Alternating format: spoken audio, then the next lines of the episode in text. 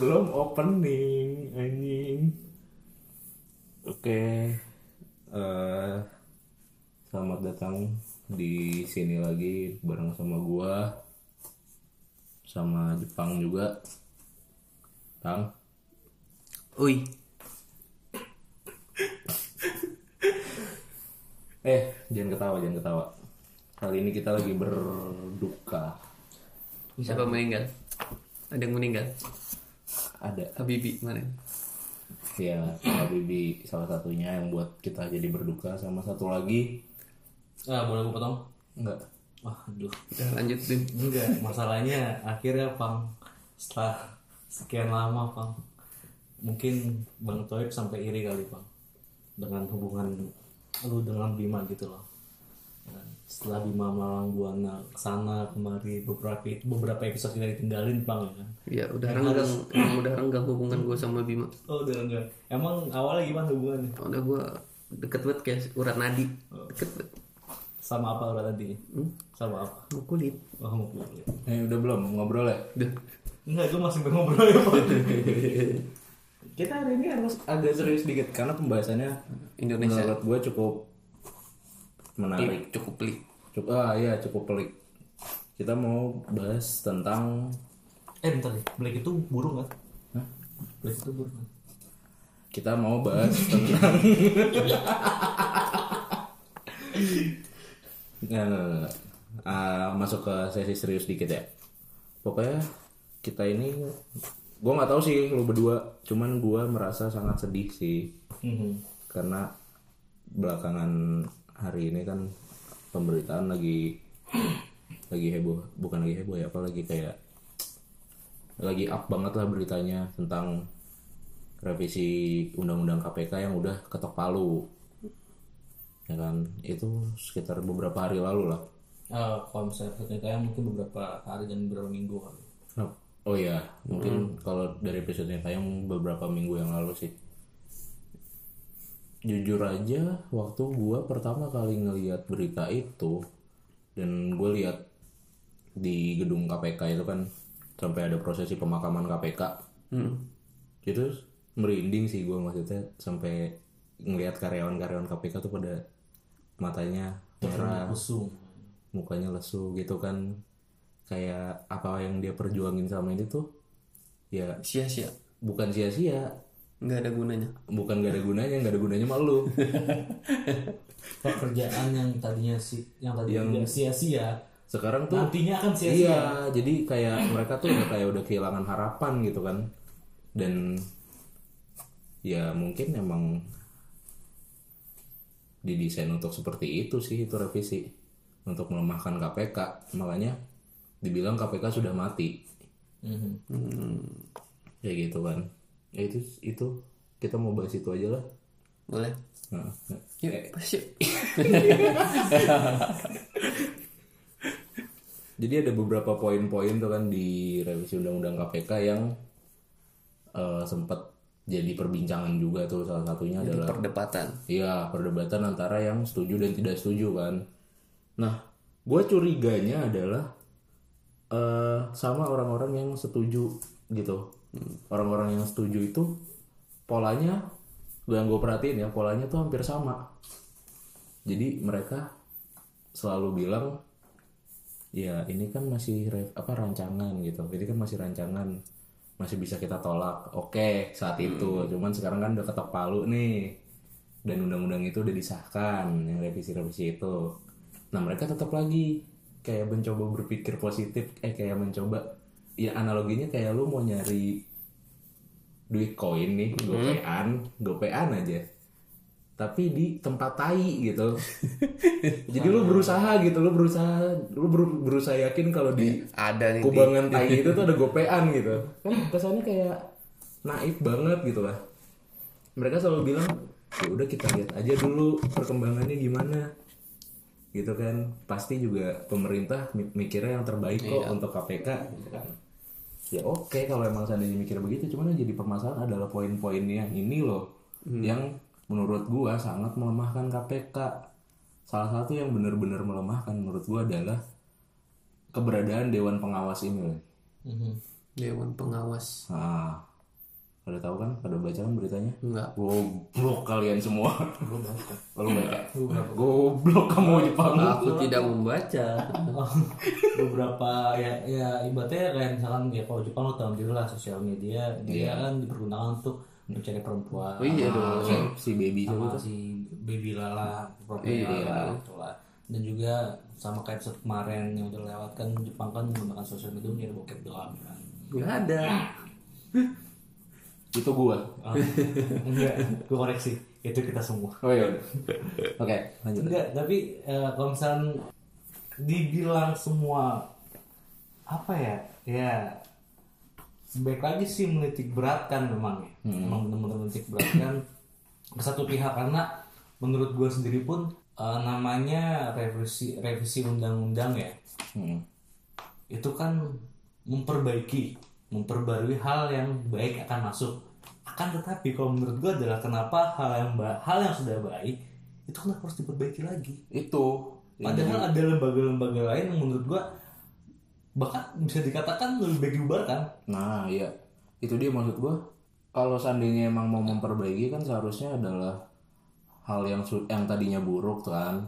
Nah, ini hal yang udah baik kan sesuai kata lu tadi. Hal yang udah baik kenapa harus dibikin revisinya malah jadi lebih buruk gitu. nah Yang jadi permasalahan itu salah satunya kan yang tadi gue bilang Dewan Pengawas.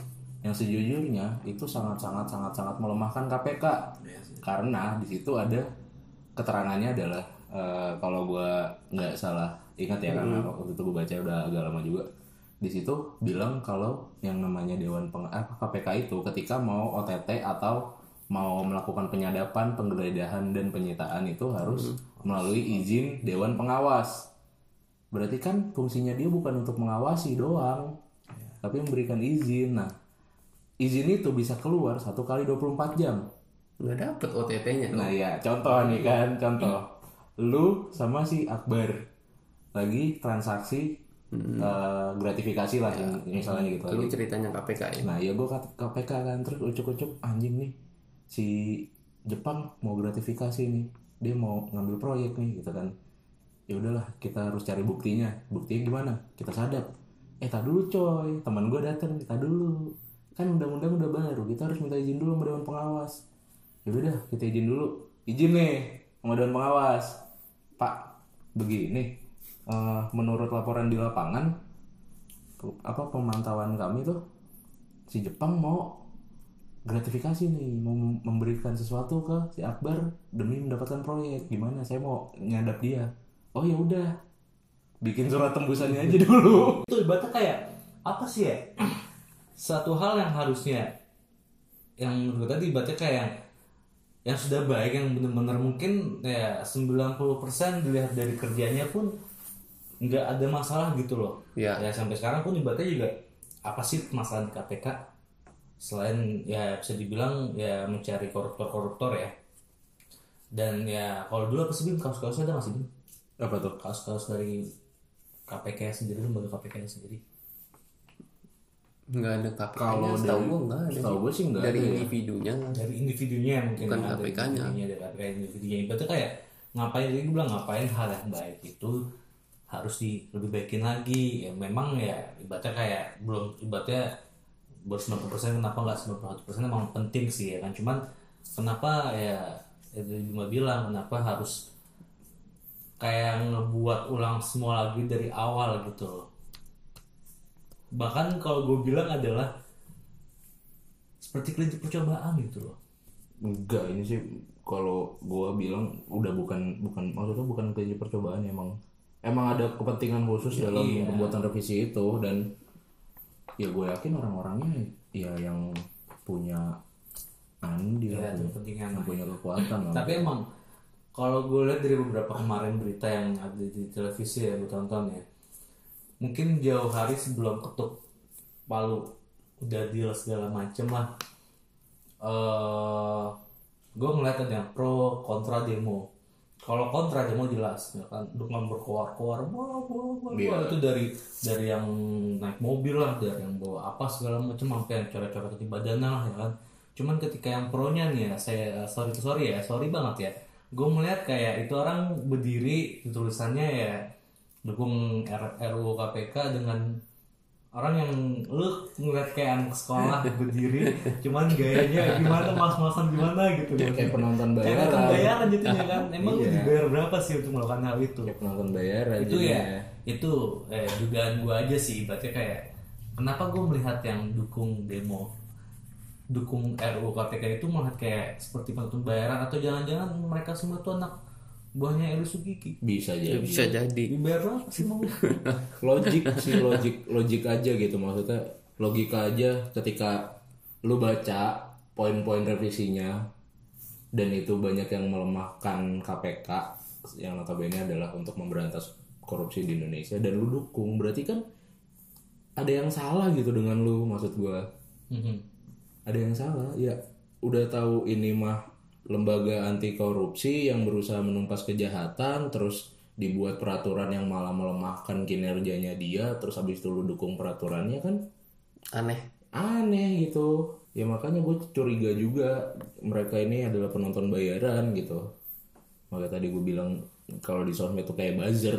Ya buzzer liwerannya argumennya gitu-gitu gitu gitu aja yang anehnya kalau menurut gue adalah kebanyakan kan yang ditangkap tangan oleh KPK itu rata-rata menteri golongannya ya menteri terus juga para pejabat-pejabat pemerintahan dan termaksud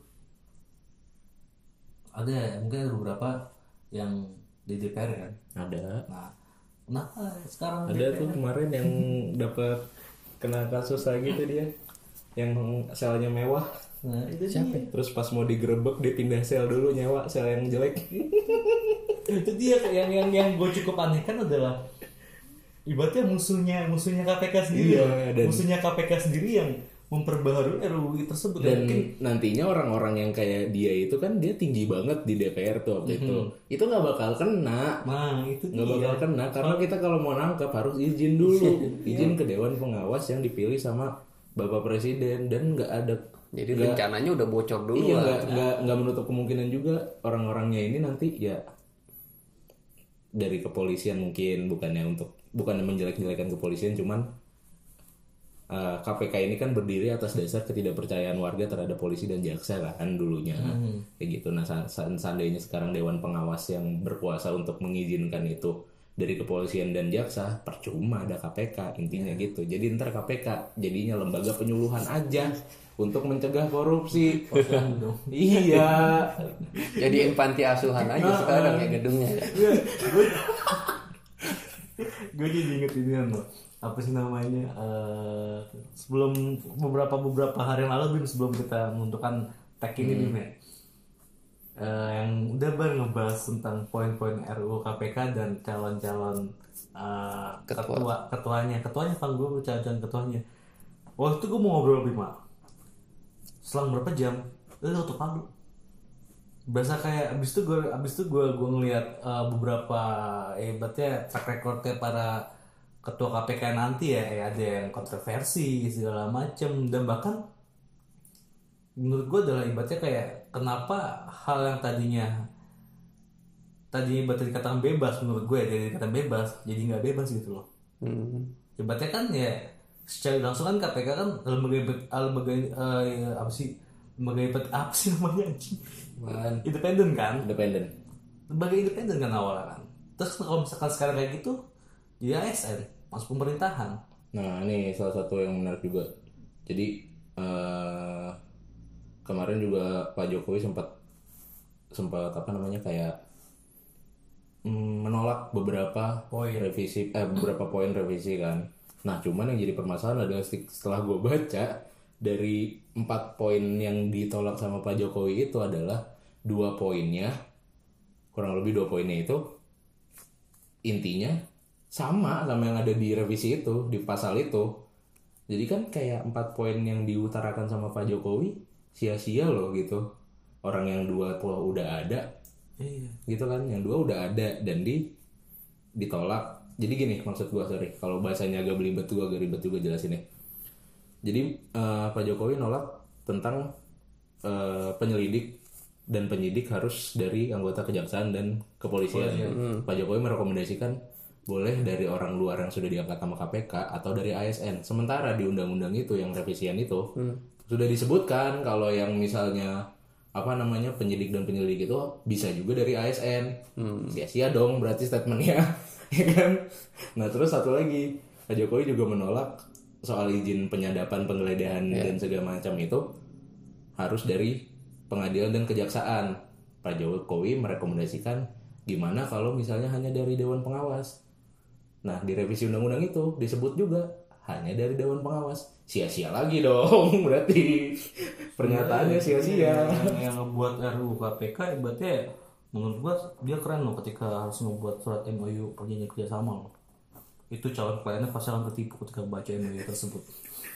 Bener itu pasti ketipu loh. Nah, yang jadi kecurigaan gua adalah ini mumpung apa revisi KUHP-nya belum jadi nih ya. Jadi gua mau ngomong dulu. Kalau bisa diupload sebelum jadi ya. Biar bi- kayak kita nggak tahu bang bang itu kapan segala juga segala macam tanggal 24 jadinya pokoknya. Itu ketok palu tanggal 24 nih sebelum tanggal 24 pokoknya harus diupload ya. Tolong banget kalau enggak keberadaan gua terancam.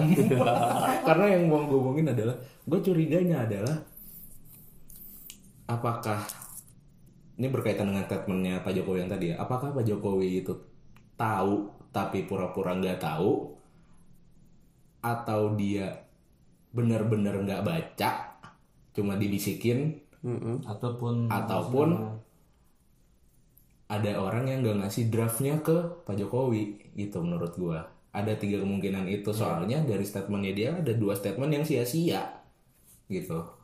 Maaf ya bukannya mau menjelek-jelekan tapi jujur-jujurnya mas saya dukung bapak dulu.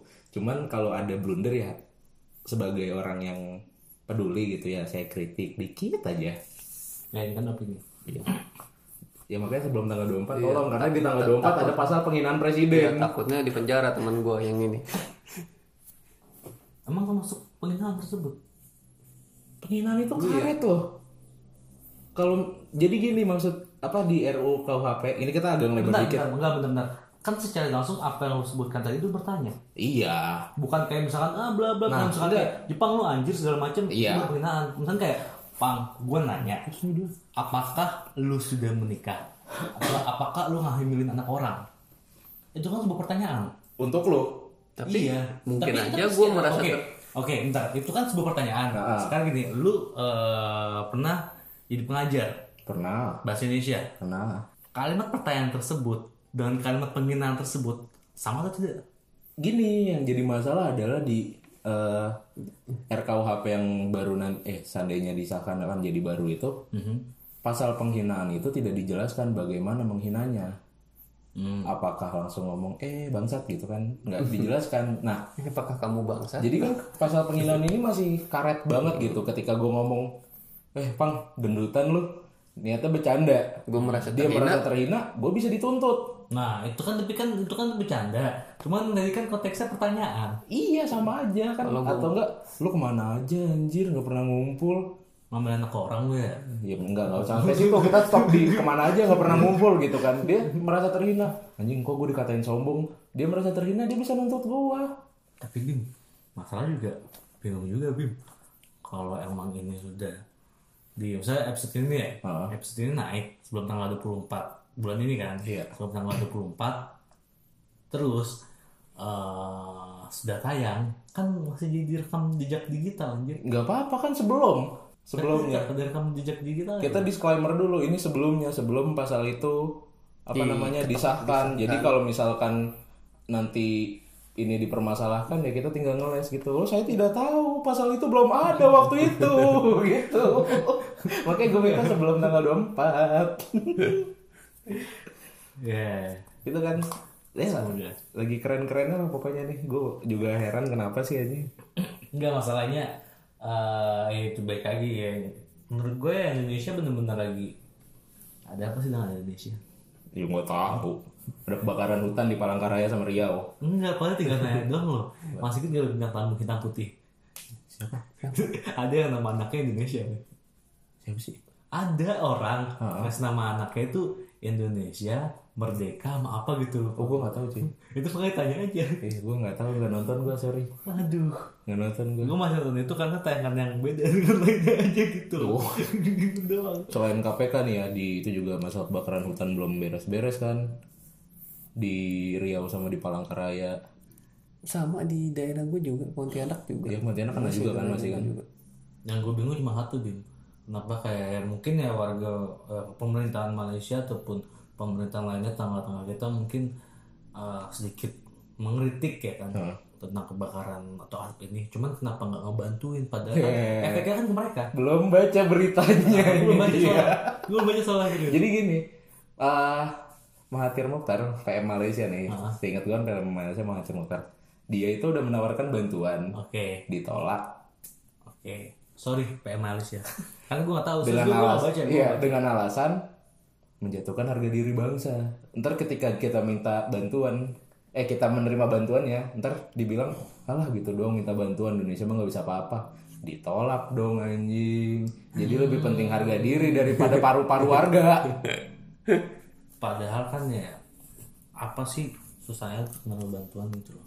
Ya itu kan suzon gue mah bukan ke arah harga diri sih. Suzon gue adalah lahan yang dibakar belum sesuai perjanjian. Maksudnya sesuai perjanjian?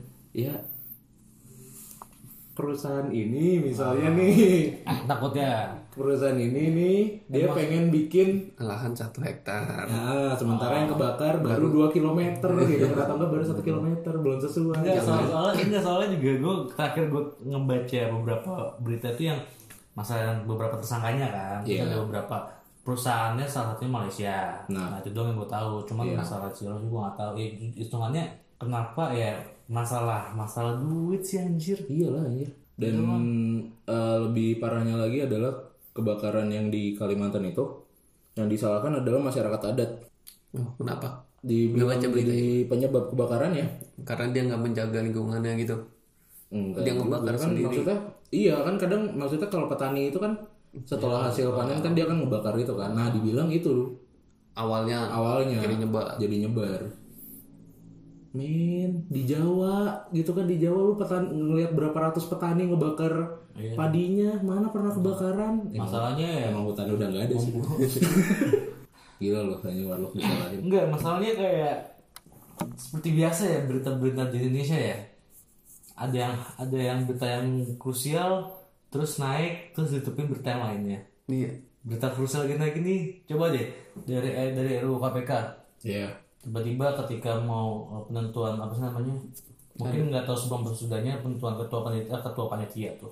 Ketua KPK nya tiba-tiba up berita hutan atau nggak sebelumnya kan kayak gitu kan. Terus habis itu lagi-lagi masalah sekarang yang lagi dituin adalah Semenpora iya yang mempengaruhi, mempengaruhi kan tiba-tiba sekarang jadi tersangka Tersangka. tiba-tiba Oh enggak enggak, kalau itu gue udah uh, Enggak maksudnya itu Beritanya, kayak- beritanya. ber- Oh. ah, berita gitu kayak ada yang naik Ah. terus yang gini maksudnya macam berita Biar di yang Indonesia ini ya. nggak terlalu Yang dibahas ini- banyak. yang ini value naik nih boom nah ketika ini udah mau nyampe titik finalnya nih nah berita itu masuk nah ketika yang satunya lagi mau ke final lagi berarti ini masuk kayak berarti kayak ketika mau pengesahan tersebut seperti biasa belum kayak ditutupi berita lain dulu loh. Biar orang tahu-tahu tiba-tiba udah sah udah sah. nah itu dia makanya Bim kalau mau ngobrolin kayak gini lepas aja Bim. Usah belajar belajar dulu. Kayak Jepang Bim gitu loh. Ini jadi materi. Sampai sekarang. Nggak ada di mana. Gak ada ini. Dia AFK dia tadi. Sialan emang. Jepang itu pembantu masuk cuma masuk beberapa doang Bim. Kalau nggak cewek cewek. Dan cewek udah tiga itu doang tapi bang menurut ini masalah kebakaran hutan ya. Kan daerah lu kan kampung halaman lu ya termasuk di eh, di di level sangat berbahaya. Level. dari teman-teman gue yang di sono di update udah sangat berbahaya. Itu di daerah? Pontianak dong. Pontianak. Kotanya? Kotanya. Kotanya Pontianak, ya kan? iya. Ya oke. Sangat berbahaya sana. Teman-teman gue uploadnya sih udah sangat berbahaya. Kata temen lu kayak gimana? Kata teman-teman lu kayak gimana? Enggak di uploadan gue lihat di story storynya jadi in- indeks apa namanya ya kalau yang gitu ya? PM dua setengah. nah itulah pokoknya. PM dua setengah itu udah lebih dari 2000 nah setahu gua. pokoknya udah kalau di Palangkaraya itu masih kuning gitu ya kalau lampu. Ini udah merah kalau di Riau udah jeblos merah. Udah lewat dari merah gitu. Itu lumayan berbahaya. Enggak model-model kalau sekarang kan kebakaran hutan ya asap nanti sampai Eropa nggak kira-kira ya? Enggak dong. Enggak dong. udah udah ngilang di laut di asapnya. Eh di langit, di langit dulu. kan kalau dulu kan apa? Itu karena debu vulkanik, bukan asap doang. apa? Gunung Krakatau ya kan? Iya. Dia itu kan? dia menyembur kan ya siapa tahu ke bawah gitu loh materi-material Hmm. asap-asapnya Ke bawah, ke bawah sampai Eropa. Berita buruknya. itu ke bawah Eropa kan? Sebenarnya omongan gue cuma panjangin doang masalahnya dia gak punya materi gue harus ngulik lagi ngulik lagi ngulik lagi ngulik lagi ngulik lagi anjir. tapi masalah ibaratnya tadi dia kan masalah eh, ya, APK intinya apa ya berasa kayak mundur ke beberapa tahun yang lalu loh. ketika KPK benar-benar lemah segala macem dan dulu-dulu tuh warga dukung opininya nggak terbelah gitu. Dulu-dulu kayak dulu kasus cicak buaya opini warga tuh nggak terbelah. Tetap belain KPK nih yang sekarang ini nih jadi kebelah gini entah ucapan ucapannya Bung Karno gimana? kenapa. Assalamualaikum. Waalaikumsalam. Berarti Bung Karno pernah mengucapkan assalamualaikum. Enggak sih. Bung Karno kan yang ibaratnya ya kalau misalkan saya melawan penjajah ketika oh saya lebih takut lawan bangsa sendiri gitu kan Enggak gitu. Kalau yang beredar kutipannya adalah perjuangan saya lebih mudah karena melawan penjajah. Perjuangan kalian akan lebih sulit karena melawan bangsa sendiri gitu kan. Kan yang jadi masalah adalah asing dan asing gitu kan. Banyak orang ngomong kayak gitu ya, bukan gua. Gua mau nyontoin doang. Ya, ya balik lagi sih mau itu ada orang asing segala macam kan itu terta. Nah, dulu ketika penjajahan orang Indonesia ada yang belok juga kok Banyak. banyak kan. Aduh, sekarang mau, gua mau ngeluarin fakta yang ini, tapi gua belum riset, takutnya salah ngomong. Nggak jadi, lanjut. Dia. Makanya kalau misalnya kayak gue kan, untungnya lu udah inian bim. Segala macam. Baca duluan. Dia udah post post aja dia benerin ya kan.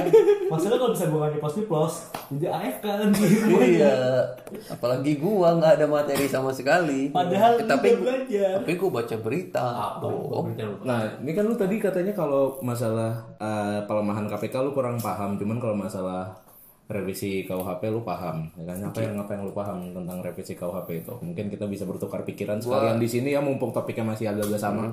gue satu satu pasal yang gue baca tuh yang tentang hukum setempat tuh apa ya Oh, hukum adat. Ah, hukum adat Hukum adat. enggak ini enggak nggak ada nggak ada bilang hukum adat kan hukum setempat Iya, hukum setempat. hukum masyarakat setempat Iya, gitu hukum kan masyarakat setempat masuknya. itu yang gue rasakan tuh di situ Kenapa tuh? Ya setempat setempat kan masih karet gitu ya Iya. jadi di tempat sini di rumah gua ada hukum bisa gue pidanakan dia Iya, gue bisa. suka kan gitu setempat oh rumah gua RT gua gua nggak suka Lu tahu nggak sih undang-undang apa kalau RKUHP yang sekarang tuh ngatur tentang bebek? Nah itu belum. Unggas. Iya, unggas, Unggas, bebek segala macam. Enggak, gue enggak. itu itu lu belum tahu ya? Enggak tahu sih. nah, Jadi gini, lu punya bebek. gua gua biar gua ada materi. Ya, jadi kalau unggas ya. Iya, jadi kalau unggas unggas lu nih gue punya unggas terus nyebrang ke kebun tetangga merusak tanamannya mereka gue bisa dilaporin. Gue bisa dipidanakan. Padahal tinggal minta maaf doang kelar. Gue bisa dipidanakan. Yang jadi permasalahan adalah emang lu bisa ngatur kelakuan bebek, gitu kelakuan ayam. Sumpah ini yang bikin undang-undang semuanya otaknya ngaco apa gimana sih? Enggak jadi sekarang mempermudah orang ah gue nggak suka sama dia gue penjarain gitu Terus ada lagi apa? eh, gelandangan kena denda satu juta. Ya kalau dia punya duit, mah dia nggak jadi gelandangan ya anjing. Terus ada yang pengamen juga setahu gue Pengamen? Iya, bentar, itu siapa yang ngusulin? Gue gak tahu. Ngusulin? iya udah jadi gelandangan hidupnya susah dibikin susah lagi. Iya lu kasih denda gitu. Kalau dulu jadi ntar gelandangan bakal bisa bersyukur gitu. Kalau dulu cuma ditangkap satpol pp masuk ke dinas sosial sekarang didenda. Terus dia ya lu lucu kan udah tadi nggak punya duit ya makanya dia jadi gelandangan dikasih denda siapa yang mau bayar terus kan terus terus ada lagi eh, perempuan keluyuran malam-malam denda juga Iya, gitu kan terus kalau jadi perempuan yang shift malam gimana Gue kan para ini kan. jadi dia para nyari duit malu pasien loh. Terus gitu. iya lah ini Ya kalau dia shift malam di atas jam 10 misalnya, bayar dia malah gawe. iya iya shift malam gitu kan Karena lembur malam ntar malam kayak kayak Korea Utara bego. Ada jam malamnya. Udah jam malam ya, ntar kita Jam. Terus ntar ba- apa bangun bangun ntar pakai alarm negara atau enggak? Tapi di Depok harus ada jam malam. Nah, emang. Soalnya kelakuan orang Depok kan aneh Jangan begitu pak. Masalahnya, eh untung untungnya pendengar kita di kebanyakan di Bogor bukan Depok. Iya sih bener. Enggak tapi kan gue cinta sama Depok lah pokoknya. Dengan segala kemacetannya gue cinta banget karena di Depok ada salah satu tempat kopi yang gue suka udah gitu aja. Iya, Dan juga masalah kita sekarang basecamp masih Depok sih. Karena kalau misalnya basecamp keluar Depok kita nggak cerita Depok, soalnya Depok. Terus ada lagi apa ya? Eh, masalah Ya itu yang apa? apa sih gue lupa deh. Yang zina Oh yang masalah zina itu bisa dilaporkan oleh orang tua atau anak. atau anak. Jadi misalnya eh, orang tuanya broken home gitu terus si ibu misalnya lu tinggal sama ibunya lu lu udah broken home kan lu tinggal sama ibu lu terus ibu lu bawa pacar lagi ke rumah Anak lu guys. anak lu nggak suka lu sebagai anak gak suka lu bisa ngelaporin ibu lu gitu Ya Allah. Aja sumpah. Terus ada kumpul bersama juga. Kumpul bersama. Ya, jak- bukan kumpul kamu kumpul bersama. kumpul bersama jadi kalau misalnya kita lagi kumpul-kumpul begini nih ada satu perempuan oh kena kita bisa Bisa, karena dilaporin sama tetangga Sumpah yang bikin yang bikin rancangan undang-undang ini siapa sih? Biar kelihatan kerjaan jadi ya. Iya. Oh gua Sebenarnya revisi ya biar gua. emang kayak gitu dari awal sih. Iya, biar Masalahnya dia kerjaan dari awal awal kerja kepilih sampai sekarang itu nggak ada kerjaan. ya. ada tapi nggak dipublish dan ya beberapa doang lah itu Ya, produk maksudnya undang-undang ya Ada beberapa orang yang benar-benar kerja loh. Padahal mah nggak nggak usah direvisi juga dapat gaji dia ya. Aduh ya Allah, makin aneh aja hukum-hukum di Indonesia. lucu kan lagi lucu lucunya tuh belum lagi kemarin kasus yang Papua itu gue nggak terlalu ngikutin sih jadi gue nggak bisa bahas banyak banyak Terakhir yang ya terakhir yang gue tahu masalah kasus Papua dan yang lain-lainnya itu ya ular dong yang bilang korupsi udah itu. iya ya yang Karena itu, ya- gue baca itu gue baca yang dilempar ke Habis dari situ kan langsung lari hype beritanya masalah kebakaran dan masalah KPK.